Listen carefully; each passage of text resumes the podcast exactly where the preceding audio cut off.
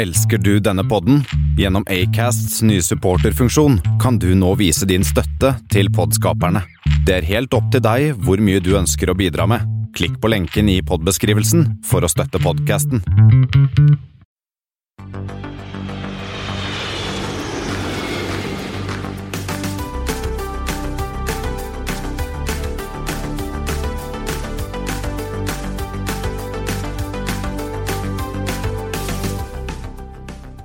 Hei og velkommen om bord på Flypodens flight 72. Det har blitt uh, 19.8, og vi er tilbake fra sommerferie som ganske mange andre. Som vanlig hører du Kristian Kamhaug. og meg, Espen Næss, som i dag er på plass på hver vår ende av en Skype-tunnel, hvis man kan kalle det det, for å snakke litt om fly. Men uh, jeg har ikke så mye si, fly å snakke om av egenopplevde ting, Christian. Men du, hvordan var Turkish, og hvordan var den nye Erdogan International Airport, og hvordan var det å fly innenriks i Sør-Afrika? Jo, altså, det var eh, Ja, det var mye. Dette er mye. Eh, Jeg kan eh, La oss bare begynne med starten. Vi skulle uh, sjekka inn på Gardermoen. eh, Kom til Turkish der oppe, og der var det jo en masse mennesker. Eh, fordi at de hadde satt inn en 330 istedenfor den eh, 321. Eh, fordi det var tydeligvis mange som skulle på hajj. Espen. Altså, og det, var ikke alle disse fordømte norske middelklassefamiliene som skulle på tur. Det var noen av de òg, men det var veldig mange som eh, skulle til uh, Mekka på uh, pilegrimsreise. Blant annet så var det en hel bunch med damer i knallrosa hijab. eh, som fløy rundt på Gardermoen. tenkte Jeg måtte, måtte jeg bare spørre en av dem hva, hva er greia med den rosa hijaben. Uh, og så sa hun at nei, det var bare en, en, en gruppe, da, en gjeng, som skulle til, eh, på pilegrimsreise sammen. Så for at de ikke skulle liksom, bli borte fra hverandre, uh, så kjørte de rosa hijab. Ja, hvorfor ikke? Nei, så det var, men det var litt sånn morsomt, da. Men uh, i hvert fall så uh, skulle vi sjekke inn, og vi fikk uh, Var så heldige at vi ble oppgradert til Istanbul, i hvert fall. Det er jo aldri dumt. Nei, og det var store, deilige seter. Det var jo ikke, dette var jo ikke live flat, for dette var jo den short haul business-klassen på 330-en. Det er litt lenestol, er det ikke det? Jo, altså, den er jo god, god og stor, og det er god plass, og, det, og du rakk jo ikke fram omtrent. Eh, men sønnen min som skulle som prøve seg på å ligge seg ned, han bare Men pappa, det er jo ikke life flat. Seilvåringen. Ja, ja, ja. Men det var, jeg syns det var god mat. Barna var ikke sånn superhappy med tyrkisk mese, men eh, jeg syns det var bra mat, jeg. Ja. Og god plass, og, veldig behagelig å sitte der foran eh, og sånn. Kom vi ned til, til Istanbul. Eh, Så kom vi altså inn på F og skulle ut igjen på A. Det sier meg egentlig ingenting, men noe sier meg at det er litt større forhold der enn på Torp. Ja, det er det. Jeg tror, jeg tror at F er liksom ytterpunktet, og A er det andre ytterpunktet. Så vi kom liksom inn på den ene sida og skulle ut på den andre sida. Eh, Hadde, du, hadde du på skrittelleren på mobilen? Eh, nei, burde jeg selvfølgelig hatt, men det, altså, det var kjempelangt. Eh, vi brukte vel tror jeg, en, en time å komme oss dit, så det ble ikke noe sånn tid til å stoppe i noen lounge og sånn da, dessverre. Og så er det jo, og det var utrolig irriterende, det er jo uh, sikkerhetskontroll uh, igjen på transferpassasjerer. Åh, det er alltid gøy. Oh, nei, det var ikke gøy, men heldigvis så, så viftet jeg med, med Star Gold-kortet mitt, og så gikk vi inn på en sånn fast track, men likevel sånn som du må inn med bag og styr, og nei, der kunne de ha spart seg, syns jeg. Ja, det er vel noe med Hvert land har sin egen. Det er som å fly via Heathrow eller Storbritannia generelt. Du må gjennom den der sikkerhetskontrollen, samme hva. Ja, på internasjonal transfer òg, må du det? Ja, ja. Heathrow. Det eneste er fra domestic til internasjonal. Ja, ja, ja, det er sant. Ja. Uansett, da, øh, så ble det jo ikke, dessverre ikke oppgradert sist den neste strekket, som var Istanbul til Johannesburg, gikk på flyet sånn Ja, var det halv tolv, øh, nesten ett? Øh, vi fikk en fireseter midt på til oss fire, det var ok, det. Øh, ikke så gæren benplass, men det var sånn, du fikk jo ikke sovet så godt når du satt hele natta der. Fire stykker. Og maten var sånn eh, ok. Eh, så det var sånn Ja, den var ikke sånn kjempestor opplevelse, må jeg, må jeg si. Må innrømme det. Og så kom vi da fram til Johannesburg på morgenen. Eh, alle var litt trøtte og slitne. Eh, og så hadde vi vel et par timer eh, i Johannesburg. Da måtte vi, litt sånn som i USA, da måtte du sjekke inn bagasjen på nytt og gjennom ny security og alt det morsomme der. Eh, og så fløy vi da eh, Airlink eh, opp til, til Hudsprut. Det var Embraer, var det det? Ja, en eh, 190. Eh, og der var jo helt eh, fin 2-2-konfigurasjon, men det som, det som var overraskende med der, var at de var så innmari strenge på elektroniske dingser. Ikke, Ja, det, det står vel det i papirene, da. ja, ikke bare skulle de være i flight mode, de skulle slås av. Ja. Uh, så vi, min uh, 14-årige datter satt der og satt den på, satt den på flight mode og skulle høre litt musikk. Så bare Nei! You must turn it off! Eh, og kona fikk ikke, fikk ikke lese på Kindle heller, så det var, der var det strengt. Ja, ja det, det viser jo at det er ikke helt uh, koordinert og, og sammenfattet overalt. Så, Ja. Eh, og Hudsprut var en morsom liten flyplass. Det var et skur uh, med aper, blant annet. Men kort, ut, kort vei bort til flyet, man kunne gå bort, og det var helt supert. Så det, det var gøy. På retur litt samme, ikke sant. Eh, Airlink ned til Johannesburg. Ja, fem timer i Johannesburg. Det var litt lenge. Ja, for du, du får sett de fleste krokene av den flyplassen da.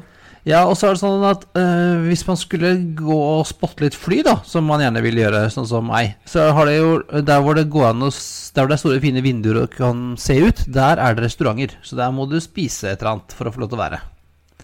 Eller kan du ikke bare sitte og drikke? Eh, også. Jeg prøvde meg jo i South Africans eh, Lounge i Johannesburg eh, og spurte om liksom jeg kunne få med meg hele familien din. Selv om jeg, det er jo i Star Gold så kan du ha med deg én gjest. Um, Så prøvde jeg meg pent. Ja, men kan jeg ha med mine, mine to snille, snøte barn? Og de svarer nei. Det kunne jeg ikke. Så da ble det å sitte eh, og, Vi fikk jo kjøpt noen afrikanske ting da i Afrika, Afrikabutikken. Sånn. Fikk jo Ja, Da vant jo flyplassen. De tvinger deg til å kjøpe fordi du må sitte og vente. Så 1-0 til dem. 1-0 til dem. Jeg fikk kjøpt meg litt sørafrikansk gin. Jeg fikk kjøpt meg uh, impala-paté og sebra-paté og uh, springbok-veske til kona og springbok-pute til sofaen. Og, nei, det fikk putte penger. Så det er bra. Eh, hjem igjen så var det Turkish igjen. Uh, et litt eldre fly, virka det som. Mye litt trangere. Uh, helt bakerst, der hvor de har 2-4-2 istedenfor 2 Nei, 2-3-2 istedenfor 2-4-2. Helt bakerst der.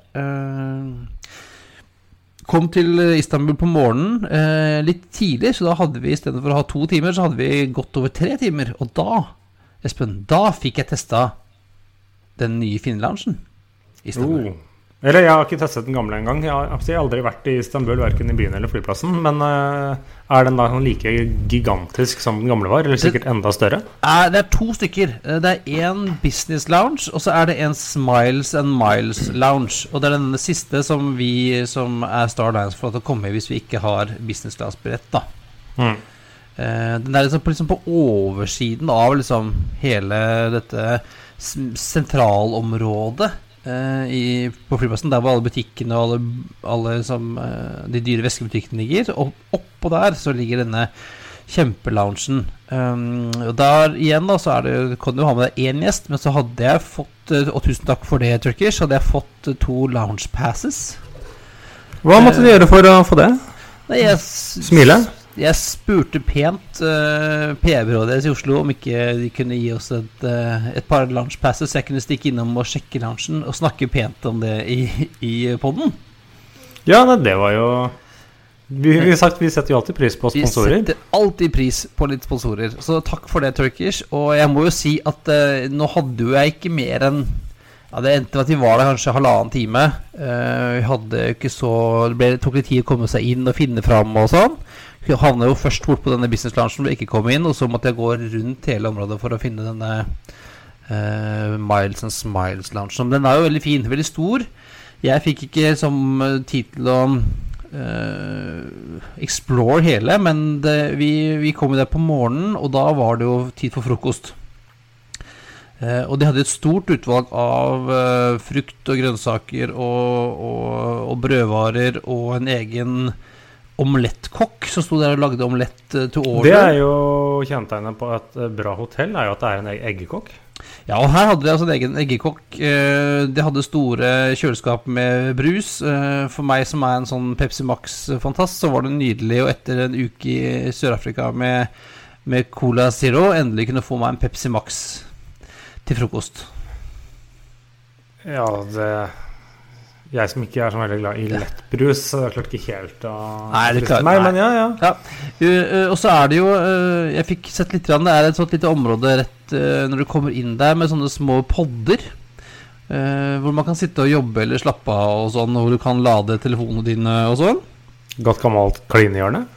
Ja, sånn, nei, sånne litt, litt store lenestoler, nesten.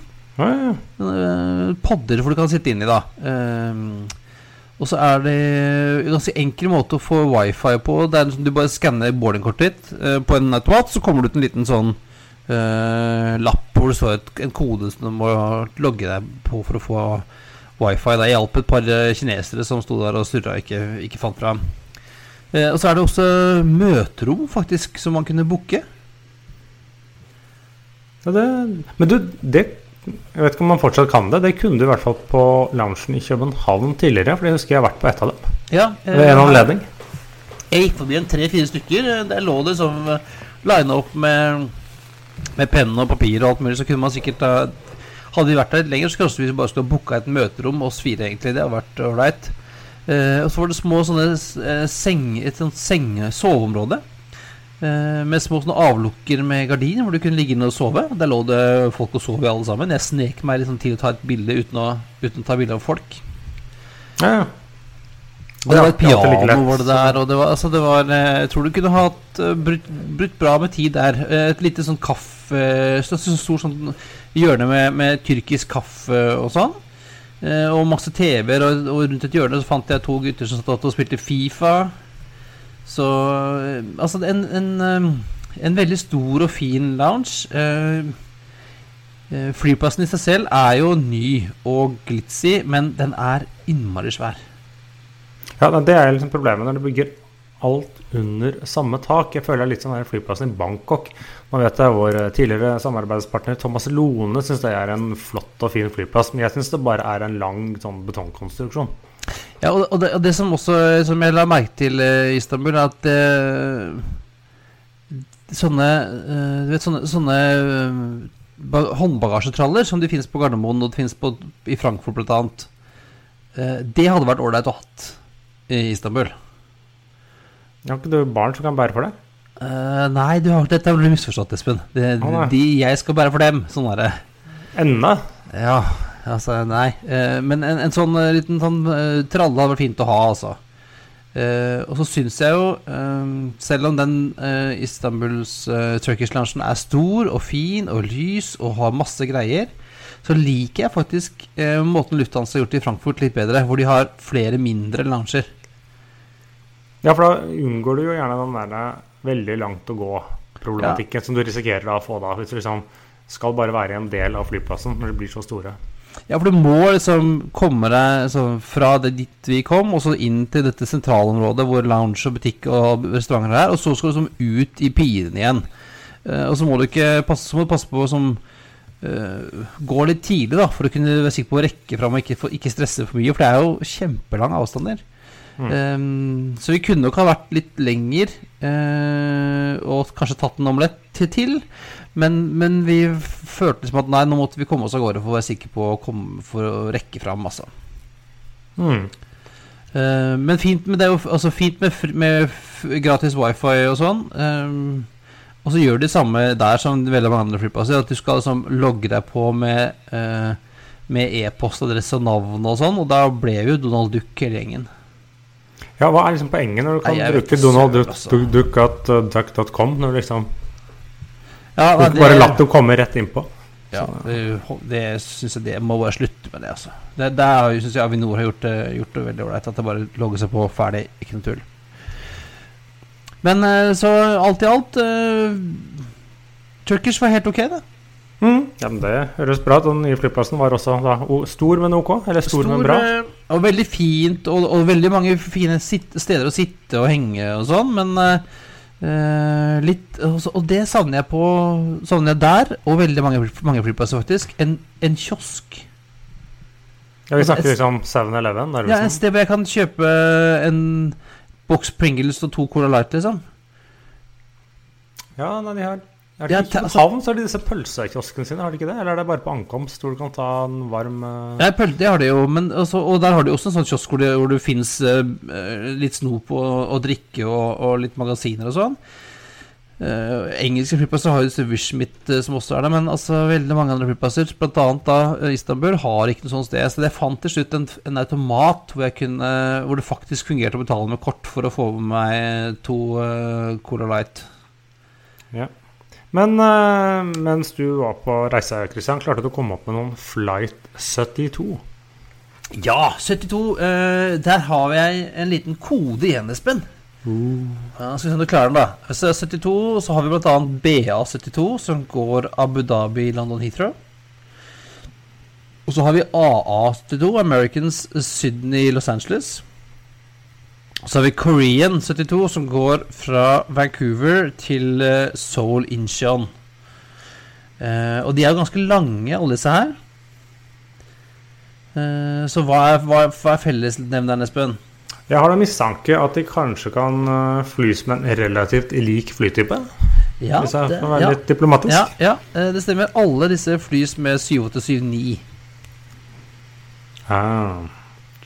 Så det var dagens uh, fellesnevner. Så har vi jo en ulykkesflight 72. Uh, men Men hva, ja, ikke ordentlig, eller, ikke ordentlig Ja, ulykke, men altså- kjipt for de som var om bord, men ikke en, ikke en krasj. Ikke en krasj, men dette er altså eh, Qantas 72 uh, som fløy Singapore til Perth, eller skulle fly til Perth. Uh, det var i den 7. oktober 2008. Men over Vest-Australia så skjedde det et eller annet En eller annen software error eller hva det var, som gjorde at, at nesa eh, datt veldig kraftig et par ganger, eh, og ga jo eh, Ja, det var en sånn det, det var, Man var veldig der eh, Det var nære på at det her kom til å gå gærent. Men eh, Var dette også noen sånn, si, måleinstrumenter? At dette var en likhet med den Air France Flight 447? Det som, Dette her Ja, det var altså et, viste det var et problem med en Air Data Inertial Referent Unit, en ADI-ruen, som begynte å gi feil data til flightcomputeren, som gjorde at den da begynte å, få ganske kraftige utslag. ja, så flyet ikke da visste hvor det var og hvor det fløy, og så fant du ut at da setter vi nesa ned? Ja, eh, og det skulle det jo ikke. Eh, det er jo ganske alvorlig. Det var 119 eh, skadde passasjerer. Eh, 12 eh, alvorlig skadet. Eh, men eh, det gikk jo bra. De kom seg jo ned. De, de kom jo ned i eh, Hvor var de landa hen, Espen? I Vest-Australia et eller annet sted? Et eller annet sted. Ja. Men det, ble ganske alvorlig. Og det var jo sånn Dette her kunne gått ordentlig, ordentlig gærent. Men det gjorde det heldigvis ikke. Men så, så hvis vi søker på flight eh, 72, så dukker den her opp. Og så har det da vært Jeg mener å lese også at det har blitt laget noen sånne dokumentarer om den i ettertid. Eh, ikke Air Crash Investigations, for det krasja ikke, men et eller annet annet. Eh, ja, det har vært eh, den kanadiske TV-serien Mayday som har en episode som heter Freefall. Eh, og så kom det også en bok i, i eh, mai i år eh, om dette. Vi tar selvfølgelig en link til dette i våre shownotes på flypodden.no. Stemmer. Eh, men skal vi da hoppe til eh, litt sånn aktuelt? Hva har skjedd eh, siden vi hadde en liten sånn sommerferiepause for noen uker siden? Christian? Masse har skjedd. Masse har skjedd. SAS har kommet med, en, med nye ruter til en helt ny flyplass. Nå ble du mute igjen.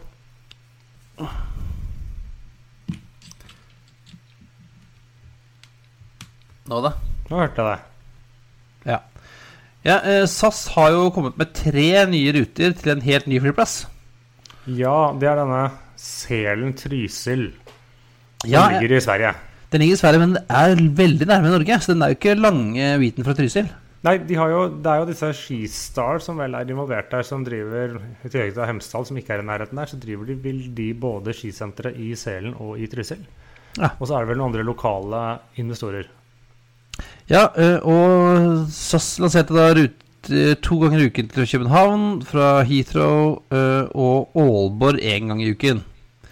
Og da er det vel med 320 Neo, da, kanskje? Det er med 320 Neo. Jeg har sjekket litt grann at København og Aalborg liksom opererer litt sammen fra Danmark, mens det er altså SAS Ireland som skal operere fra London Heathrow. Eh, de ser det som de stjeler en sånn Arlanda-slott en gang i uken i tre måneder. Midt på, midt på vinteren på en lørdag, så det er jo ikke noe stor dramatikk i det. Men det er jo litt sånn, hvis du ser nå på programmet på flyplassen, da, så skal jo også disse bra eh, fly en del eh, svensk innenrikstid. Men det som kjennetegner eh, hele operasjonen, er jo at selv om det er kanskje to fly i gjennomsnitt i dagen skal fly dit, så skal all trafikken da være på torsdager og fredager. Nei, torsdager og lørdager. Lørdager, ja. Så det Eh, blir litt sånn himmelske fredsplass, det der. Ja, så håper de får deltidsansatte til å ta seg av driften her. Men så er det sånn, nå, nå har SAS annonsert sine ruter dit, nå har eh, Bra annonsert sine ruter, og felles til alle er jo at de er ut eh, mars. Så når vi kommer inn til april og fram til desember 2020, hva i huleste skal den flyplassen brukes til da? er det jeg lurer på. Ja, altså Nå vil jeg vel tro at det kommer til å dukke opp noen, noen, noen tyske og engelske flighter eh, dit også, men det blir også sikkert midt på vinteren når folk skal på ski, så hva, så hva annet er å gjøre der oppe, egentlig? Ja, er, er det, skal det være noe mer enn litt sånn GA-trafikk på folk som er på sånn GA-tur? Eh, hva, hva annet? Det er liksom den store spørsmålet. Hvordan, er da, hvordan ser da økonomien ut i dette? Eh, det er det store spørsmålet jeg, jeg stiller, og ikke helt klarer egentlig å finne et godt svar på. For, det, så, for du sier at disse bra flightene de går også bare på vinteren? Ja, det er også ski, skiflighter. Så er det liksom, skal de prøve å få noe sånn Kan våre venner i LIP kanskje bli betalt av noen for å fly en gang om dagen eller to ganger om dagen resten av året? Jeg vet ikke. Det er liksom noe sånt jeg kan se for meg. Men eh, noe liksom kommersielt må jo både stripe at terminalbygget brukes til. Det, har jo, det er ikke gratis å bygge flyplass. Det var, var i hvert fall ikke det sist gang jeg sjekket. Nei, så Svedavia har ikke sjekket med Avinor eh, om eh, hva som skjedde med Fagernes og Dagali, altså. Nei, jeg tror ikke det er Svedavia heller, skjønner du, som nei. er involvert her. Jeg tror det er eh, noen lokale eh, investorer. Eh, litt sånn hver by sin flyplass. Vi har noen av de i Norge òg som egentlig aldri har kommet lenger enn å lage en GA-stripe. Eh, Ja, nei, Vi får håpe at svenskene klarer å finne på noe der borte. Det, i, I landet med flyskam så burde det vel være null stress å få, folk til å fly til en flyplass som de ikke har øh, fløyet til før. nei, men jeg kan i hvert fall si at her går det tog dit. Jeg tror kanskje ikke det. Ja ja, hvem vet. Men uh, Nei, jeg tror folk kjører bil etter selen når de skal på ski. Ja, det gjør de kanskje. Vi får håpe de får OL eller noe sånt, da. Så kanskje det hjelper litt. Ja da. Men eh, SAS startet jo også, eller skal starte en- også ny flight mellom Stavanger og Manchester. Ja, Er det fotball, eh, Espen? Du som kan Det- noe sånt? Det er fotball. Jeg er ikke den som kan mest om det heller. Men eh, de skal begynne da i november, to ganger ukentlig, fredag og mandag. Og de sier selv i pressemeldingen at her er det en viss sånn såkalt Solskjær-effekt, i tillegg til at Manchester eh, er en relativt stor by i seg selv, men den ligger jo nærme byer som Liverpool og andre byer i litt sånn midt i England. Og de har jo fløyet der det to ganger om dagen fra Bergen en stund. Ikke dagen, unnskyld. To ganger i uka fra Bergen en stund. Og det, Og Oslo har vel har jo Manchester også? ja, Oslo har vel daglig. Og det, Ja. jeg antar at eh, de ser da at de klarer å fylle disse flyene og til en god pris fra Bergen. Og da sikkert Oslo. Derfor prøver de nå fra Stavanger. Jeg kan egentlig ikke Ja. komme på noe annet, men at de har et visst markedsgrunnlag å, å ta fra. Ja, for det må jo være egentlig bare en, den ene veien der. Ser liksom ikke Hva skal folk i Manchester i Stavanger å gjøre? Eh, hadde det vært Bergen, har du, kan du ha noe begge veier med Hurtigruten og det sånn også, men Stavanger må jo bare være nordmenn. Ja, det er sikkert en eller annen som har en tante i Stavanger eller et eller annet, men uh, det er kanskje ikke Jeg tror det er litt sånn enveistrafikk dit. Ja. Uh, og så hopper vi til uh, dagens store nyhet, Espen. Og det var jo at bank, Norwegian har nå solgt seg helt ut av banken med samme navn. Ja, de solgte Eller Norwegian Finance Holding heter jo egentlig, skal være korrekte. Men Ja. Alle kaller det Bank Norwegian. De eh, eh, satt på en eierandel der på 17,5 var det vel? Og eh, har solgt dette da for 2,2 milliarder eh, norske kroner til en sånn kombinasjon av finske Sampo og Er det Nordic Capital eh, Nordic- det heter? Capital, ja. Altså det, er jo, de, det morsomme med dem er at eh, de er jo største eier i Europas største inkassoselskap også, eh, Intrum, der vi har jobbet før. Eh, det er jo Nordic Capital har vel en 40% av det selskapet. Ja, og Bank Norwegian og uh, Inkasso henger jo litt sammen. Den ene er jo leverandør til den andre. Ja, eh, hvis ikke jeg husker feil, så var altså Bank Norwegian er en stor, stor kunde av eh, Eller omvendt. eh, nei. Bank Norwegian er en av de store kundene til Intrum de, og, Lindorf i Norge, hvor de selger jo ut alle sine råtne lån. Slik at, kan, slik at de kan stå i dagens næringsliv og si at nei, vi har ikke noe særlig tap på fordringer, vi. Vi har jo solgt alt sammen. Nei, hvis, vi går tilbake til dette salget, da. Det er jo ja, De prøvde seg sånn halvveis på en sånn PR-spinn at ja, dette var rikt, rette tiden å gjøre dette, og vi følte vi fikk en god pris, men Ja, skal eh, vi, jeg, jeg, kan, jeg, jeg siterer Salget av aksjer i Norwegian Finance Holding er en del av Norwegians strategi for å styrke vår kjerneflyvirksomhet og fokusere på overgangen fra vekst til lønnsomhet. Oversatt, vi trenger cash, og vi trenger cash nå. Ja, Det er litt, det er litt sånn når SAS sier at, uh, vi gjør dette, denne endringen gir bonus for, uh, for kundens for, for fordel av kunden, eller et eller annet sånn vas, som du sier. Ja, og, uh, av de pengene de får inn, så går jo da ca. 1,2 milliarder rett til å betale gjeld som disse var heftet ved disse aksjene. Og så Ja, får de da 1 milliard til i kassa. Ja, og det trenger de jo, for de har et ganske stort eh, obligasjonslån som forfaller nå til høsten. Ja, de trenger å refinansiere et eh, obligasjonslån på 2,5 milliard kroner. Det er Ja. 250 mm, millioner euro. Og det handles nå med en sånn implisitt rente som er da høyere enn hva du får i forbrukslån hos Bank Norwegian. Så det sier seg selv hvor, eh, hvor risky dette er. Og 1 milliard, ja, det dekker noe av det. Da er du på en vei. Vi snakker jo hele tiden nå om denne joint venture på disse flyene som Men det er, kan ikke Ingen- det må de gi seg med, altså, for Nei, det er det hørt. ingen som tror på lenger. Men det som er det aksjen eh, Jeg mener jo isolert sett så er det negativt. De trenger penger. Jeg tror, jeg tror kanskje det står verre til enn hva jeg trodde selv. Kanskje håper. håper også håper. Eh, men det viser jo én ting, er at eh, med en ny ledelse nå i Norwegian, så er de villige til å ta prestisjetap når det har en eh, økonomisk fordel for dem. Og så kan det vel være litt eh, Kan hende Noen har jo også påpekt at, at dette er eh, et, et sign of the times med Hva heter han? Geir? Geir Karlsen. Geir Karlsen. Han har en litt annen agenda enn eh, Bjørn Kjos har hatt. Han, hans jobb er nå å, å styre selskapet mot lønnsomhet. Eh, og, og dermed ta og svelge, svelge unna litt.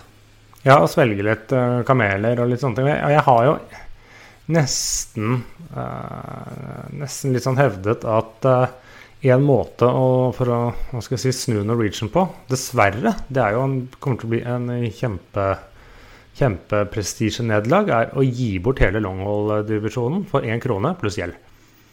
Ja, hvis noen vil ha den. Ja, det, som sagt, en krone får alltid lurt en til å kjøpe en, eh, kjøpe en til. Så, Kan men spørre, eh, skal han spørre Per Bråten om det. Ja da. Så. Ja, men, men- og så er det jo også de som sier at uh, peker på at det at de nå får solgt unna Bank Norwegian, uh, og både får uh, rendyrket Norwegian, da, gjør at det kan også være enklere for noen å kjøpe selskapet når de ikke har med seg en forbruksbank på toppen. Ja, eller litt av en forbruksbank, i hvert fall. Ja, litt jeg, jeg er ikke helt enig i det argumentet, men det viser i hvert fall at de er villige til å ta de grepene som uh, må tas. For det er jo skuta må jo snus på en eller annen måte. Uh, for det kan jo ikke fortsette slik det gjør nå. Uh, så det. Ja, det blir jo interessant å se hva som skjer videre.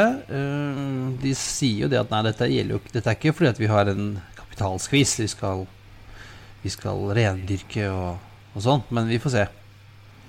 Ja, nei, den uh, Jeg har enda ikke møtt en sånn PR-giver som helt klarte å få meg til å tro på det budskapet. Selv ikke du, Christian. Jeg lurte meg til Nei, å, jeg å tro på det. der.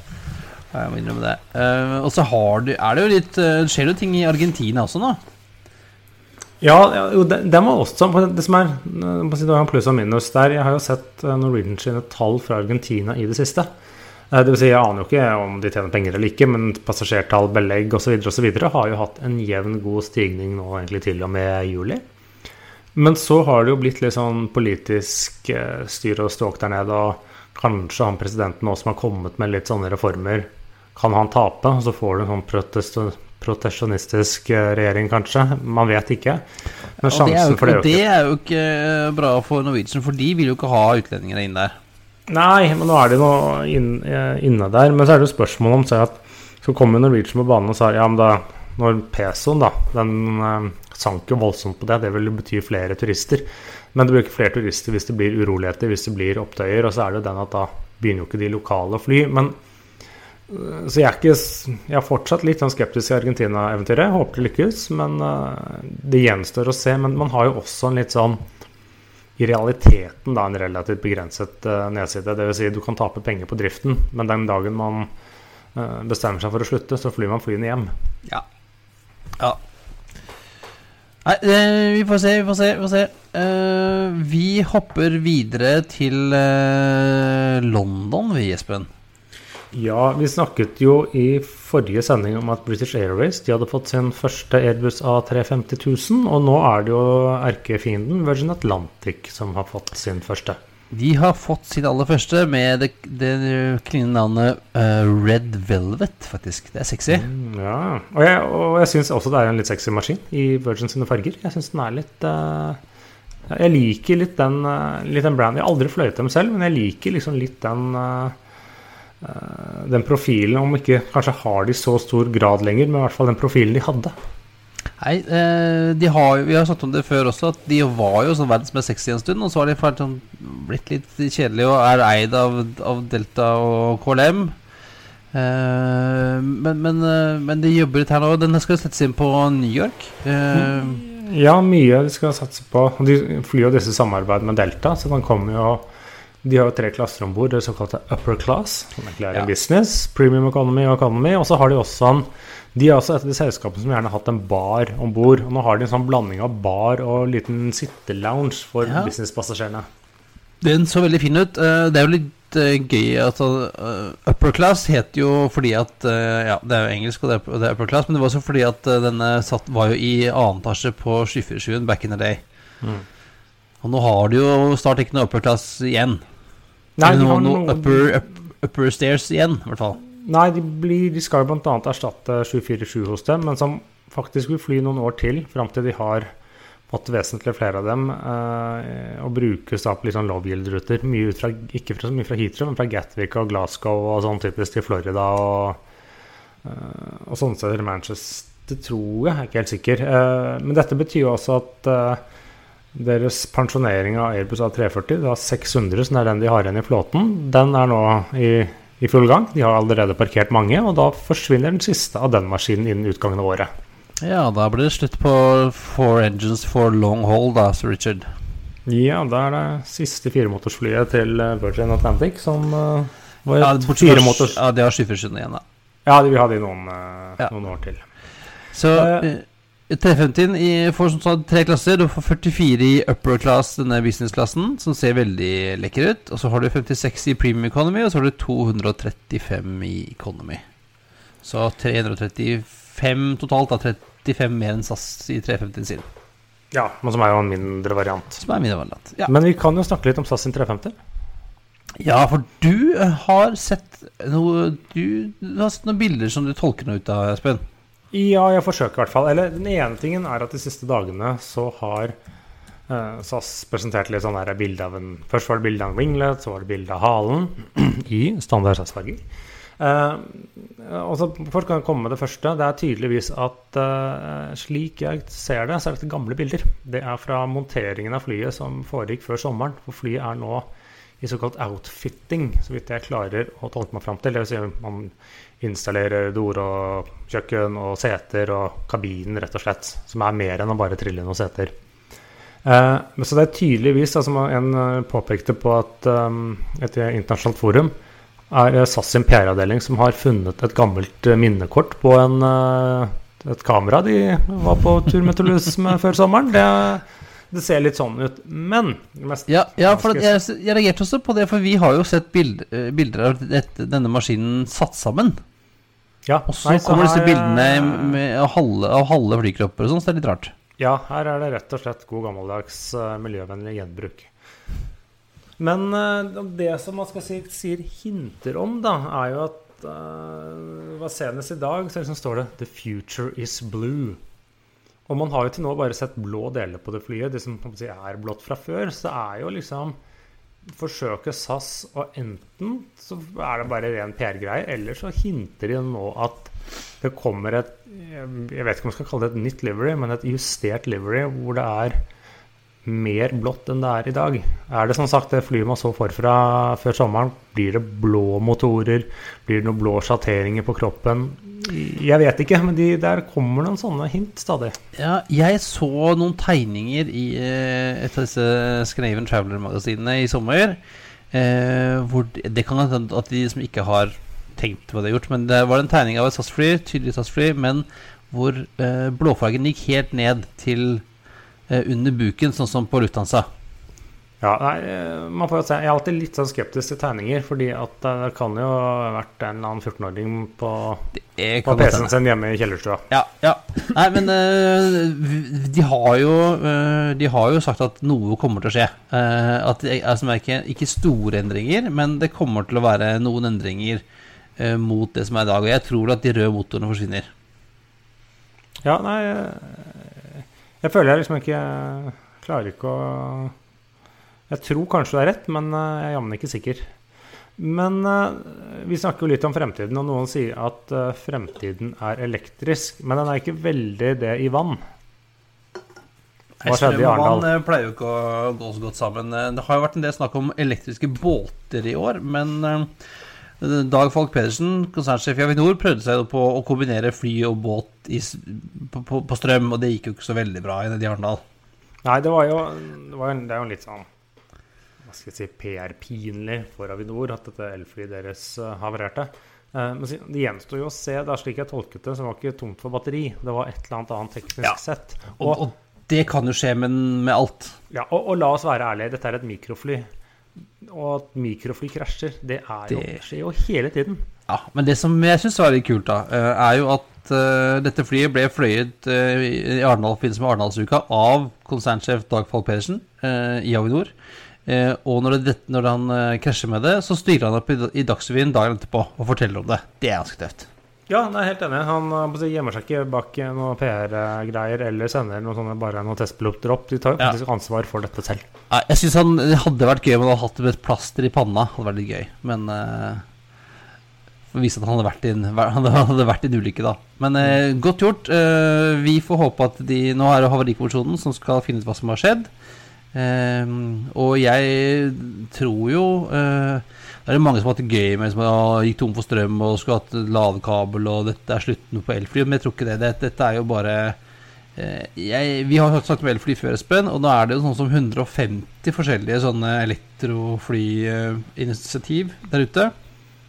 Blant annet et svensk, som vi skal komme tilbake til senere. Men eh, jeg har, jeg, jeg har fortsatt troa, jeg.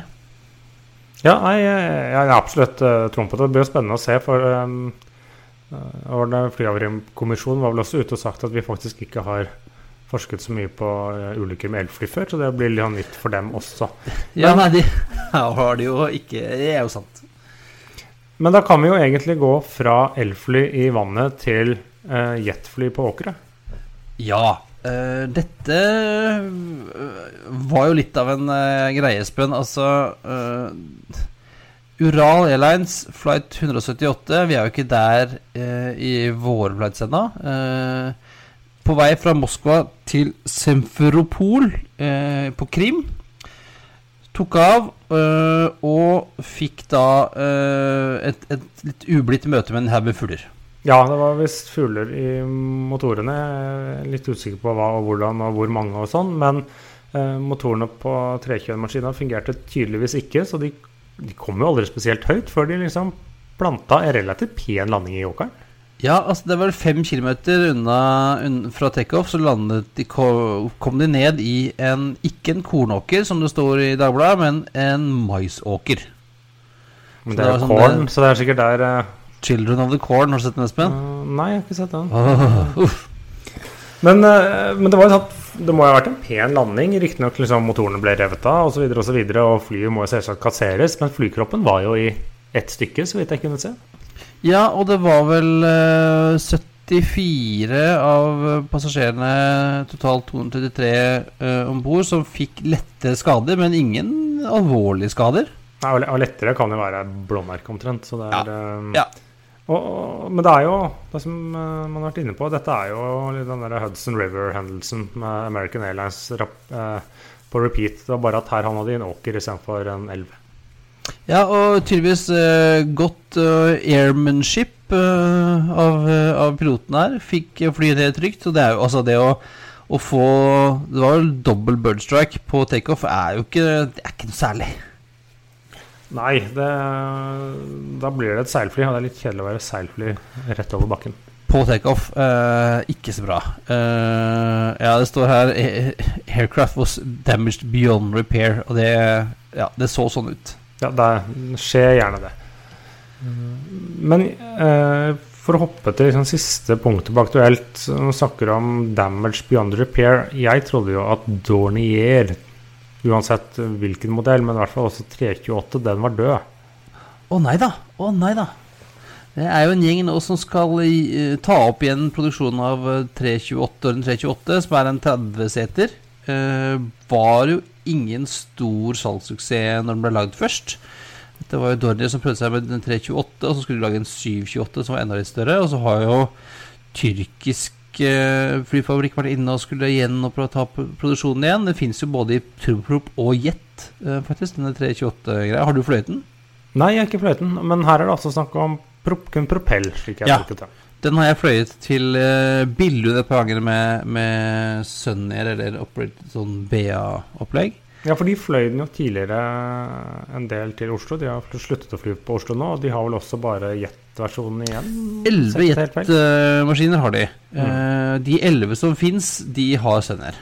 Mm. Men det, det, det som er, man snakker jo om at liksom 30 seter det er et vanskelig antall. Det er få seter å dele kostnadene på. Uh, ja, det går en del maskiner der ute. Du har sett litt på det. Men uh, hvem er kundene? Hvor er de potensielle kundene? Hvem skal kjøpe dette? Ja, altså det, det, Der er vi litt uenige, Espen. Jeg tror jo at, uh, at det er et marked for denne maskinen. For det ingen, det er ingen andre som lager 30-setere i dag. Uh, det fins en god del 30-setere på markedet. Saab, Saab 340, som vi fløy til uh, Stockholm. Mm. Eh, 210 av den finnes fremdeles i drift. Dash 8 100-200 er jo en 30 pluss seter. Eh, og Widerøe er den aller største operatøren med 25. Det finnes 140, 300 og 42 200 i drift fremdeles. Bygges jo fremdeles ikke. Mm. Eh, du har Jetstream 41, som vel han 30-40 seter. Eh, der er Eastern Airways i UK har 14 av de 51 som er i drift. Og så har du gode gamle Embra Brasilia, hvor det finnes 100 stykker igjen. Det var den gode gamle norske-flemmen fra Torp, det. Stemmer. Videre, og videre overtok et par av de. Uh, Ameriflight i USA har, er størst med tolv. Uh, det fraktmaskinen. Det finnes jo ofte på Oslo også. Så disse Swift Air er jo inne Mm. med, med fraktere en god del uh, ganger. Og så har du Dorden 328, da. Uh, så det finnes 24 eh, av turbopropen, så finnes det 11 av den jeten som alle da flyr for Sundair. Altså det, er- det er jo noen, noen hundre der ute, og de må Ja erstattes. Ja, de må erstattes, men så er problemet Er det nok? Er det liksom nok som må erstattes av dette flyet, eller klarer de å fly disse gamle greiene videre til? For la oss si de trenger å fly disse et sted mellom fem og ti år til, da. Så kanskje det fins et elfly som treffer dette markedet. Ja, det, det, det er sant, Espen. Eh, For det, det er et godt spørsmål. Skal man satse på uh, gammel teknologi og bare ta gjen, gjenopplive uh, Dorden 328 turbopropen, eller skal man vente til uh, man kan bygge en hybrid eller en, en elektrisk maskin? For den er jo typisk den type fly som kan passe her, da. Som et som et, et elfly. Mindre uh, for, for kortere strekninger, da. Ja, det er, liksom det jeg er skeptisk til. Ja, man får alltid solgt noen fly i året, men er det liksom nok? Det koster jo litt å sette i gang og gjenstarte et program som har vært stengt i er det 15 år, eller å komme i gang med produksjonen til et litt sånn Og, og disse typisk, da. Det som kjennetegner veldig mange av disse aktørene du sier om nå, det er jo flyselskap som jeg tror egentlig ikke har råd til å kjøpe nye fly. De Nei. kjøper ikke brukte fly bare fordi det er det som fins av den typen. Jeg tror de også går for brukte fly, for det er det de har uh, kapital til. Nei, og så er det litt sånn eh, Hvorfor skal du ha en 30-seter og ikke en 50-seter? Ja, Ja, det må være noe prestanda eller at det er noen rullebaner som ikke er lange nok. Ja, og det er også det litt eneste. begrenset av dem. Fordi at altså Du trenger to piloter til både en 30-seter og en 50-seter, og du trenger én eh, kabin, kabinansatt til en 30-seter og en 50-seter. Så hvorfor ikke det var å kjøpe en 50-seter hvor du har 20 paks, til, liksom? Og den fins jo. Altså ATR bygger jo fremdeles 50-setere. Ja, så Ja. Nei, jeg, be- jeg, begynte, jeg begynte veldig, veldig positivt til, til eh, 328 uh, uh, gjen, gjenfødelsen, men så ble jeg negativ, Espen. Ja, nei, ser. Jeg kan, litt- få, en, jeg kan få som, enhver til eh, å bli negativ. Det er uh, null stress. Det er litt som Rygge. Det er ålreit, det er hyggelig, men hva trenger vi det egentlig? Nei. Nei, så egentlig sånn. ble det to tomler ned for uh, 30-heters propellfly, Espen. Men vi eh, har lite sånn veldig kort spesialtema på slutten, Christian, som du hadde lyst til å prate om. Hadde vi det? Ja, eh, vi rekker det eh, før vi går inn for landing. Eh, vi lovte jo at vi skulle snakke litt om IATA i sommer, og så gjorde vi ikke det. International Air Transportation Association. Ja, eller Air Transport Association, ah, Ja, transport. For å være litt nøyaktig, da. Det er jo en internasjonal samarbeidsorganisasjon for flyselskaper. Ja, men ikke alle. Nei, Eller alle, alle kan vel være med, men alle vil vel ikke være med. Nei, i dag er det vel 290 eh, medlemmer fra 120 land, eh, og de står for eh, ja, sånn 80, 82% av verdens flytrafikk. 2,9 milliarder passasjerer i året. Ja, og det er jo Eh, typisk disse klassiske Tenk SAS, British Airways, United, American, Singapore Airlines, Ja, bla, bla, bla. Alle de, alle de store er med, eh, mens lavprisselskapene er ikke med. Uh, Ryanair er ikke med, uh, Southwest er ikke med, Norwegian er typisk ikke med i IATA. Hvorfor ikke det? er en av unntakene. Nei, altså, noe av det som IATA har gjort, da, er jo det å jobbe med interlining og, og codeshares og alt sånt, det, og det gjør jo ikke de. Nei, Ryanair det, gjør jo ikke sånt. nei, de liker jo ikke det, og de gangene de gjør det, så har de en sånn hjemmesnekra. For det er jo det Det er slik jeg tolker disse IATA, er at tidligere var det de som bestemte pålegget på sandwichen til SAS over Atlanteren. Ja, altså det, det var vel eh, snakk om at de tidligere i tider, sånn 70-80-tallet, kanskje var mer et kartell, litt sånn som uh, OPEC. Mm. At de styrte litt prisene, og de har jo uh, Noen har jo men, mener jo at IATA gikk sammen for å ta knekken på Laker Sky Train back in the day. Mm. Eh, og at de har vært liksom antikompetitive og, og, og sånn, fordi de har faktisk hatt lov til, i perioder i hvert fall, å samarbeide om prissetting og, og bestemme uh, litt, Samarbeide litt mer enn de, enn de kan gjøre i dag, da. Ja. Men, nå, men nå er de vel mer en, en kombinasjon av blir det en blanding av interesseorganisasjon og et slags sånn standardiseringsbyrå? Ja, øh, de har jo masse Altså, de er jo en sånn som sagt, en interesseorganisasjon. De jobber litt overfor myndighetene. øh, og ofte, ofte så er motparten deres øh, denne FN-organet ICAO, som er motparten til IATA. Mm. Jobber mye med standarder. De har som mye opplæring og trainings og setter sånn standard for hvordan man skal håndtere farlig gods på fly og alt sånt. Er jo typisk sånne IATA-standarder og IATA-overenskomster, da. Som alle flyskaper nyter godt av, egentlig. Og så har du denne, denne årlige, som vi har sagt om tidligere, denne, denne, dette årsmøtet sitt som nå var i Seoul. Ja, og så har du jo det mange kanskje ikke vet, i hvert fall de som ikke er så interessert i flyfart, eh, luftfart, vet, er jo at de egentlig veldig mange bruker de såkalte IATA-kodene hele tiden. Ja, og det er jo IATA, det er jo IATA som har lagd. Ja, for det er liksom det er IATA som har bestemt eller godkjent at eh, Oslo lufthavn, det er OSL. Uh, JFK er ja, JFK. Og, og litt sånne ting. Dette er, dette er IATA sine koder og liksom de som eh, deler ut de. Sammen med flyselskapene SK. Det er jo en IATA-kode. For eh, SK også har tilsvarende ICAO som har litt flere bokstaver eller noe sånt. Ja. Så det er jo et, en, en, en klubb, eh, kan du si, for eh, flyselskaper. Eh, Jeg anbefaler å gå inn på iata.org, som er nettsiden deres. Der finnes det veldig mye forskning og mye data og mye, mye rapporter og sånn. De kommer jo ofte med sånne eh,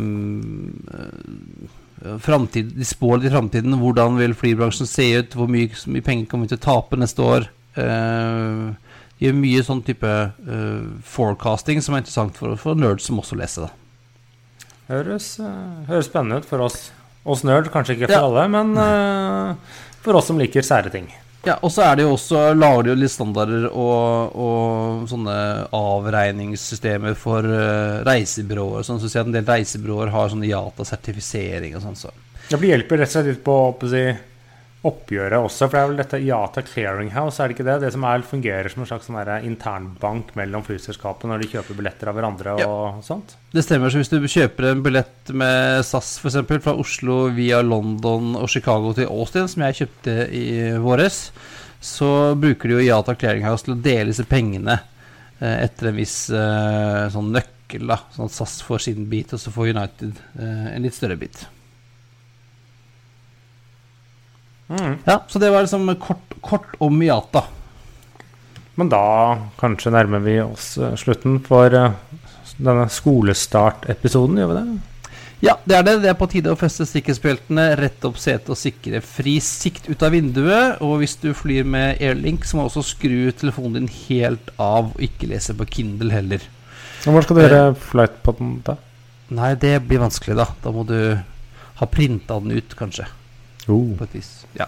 Eh, uansett, Flight 72 går inn for landing. Og som vanlig finner du linker til det vi har snakket om i dag på flypodden.no. Du finner oss også på Facebook, på Twitter at flypodden og Instagram at flypodden. Har du spørsmål, vil du invitere oss på flytur, eh, jobber du i IATA og vil snakke enda mer om IATA på, på lufta, så kan du sende oss en mail på hallo at flypodden.no.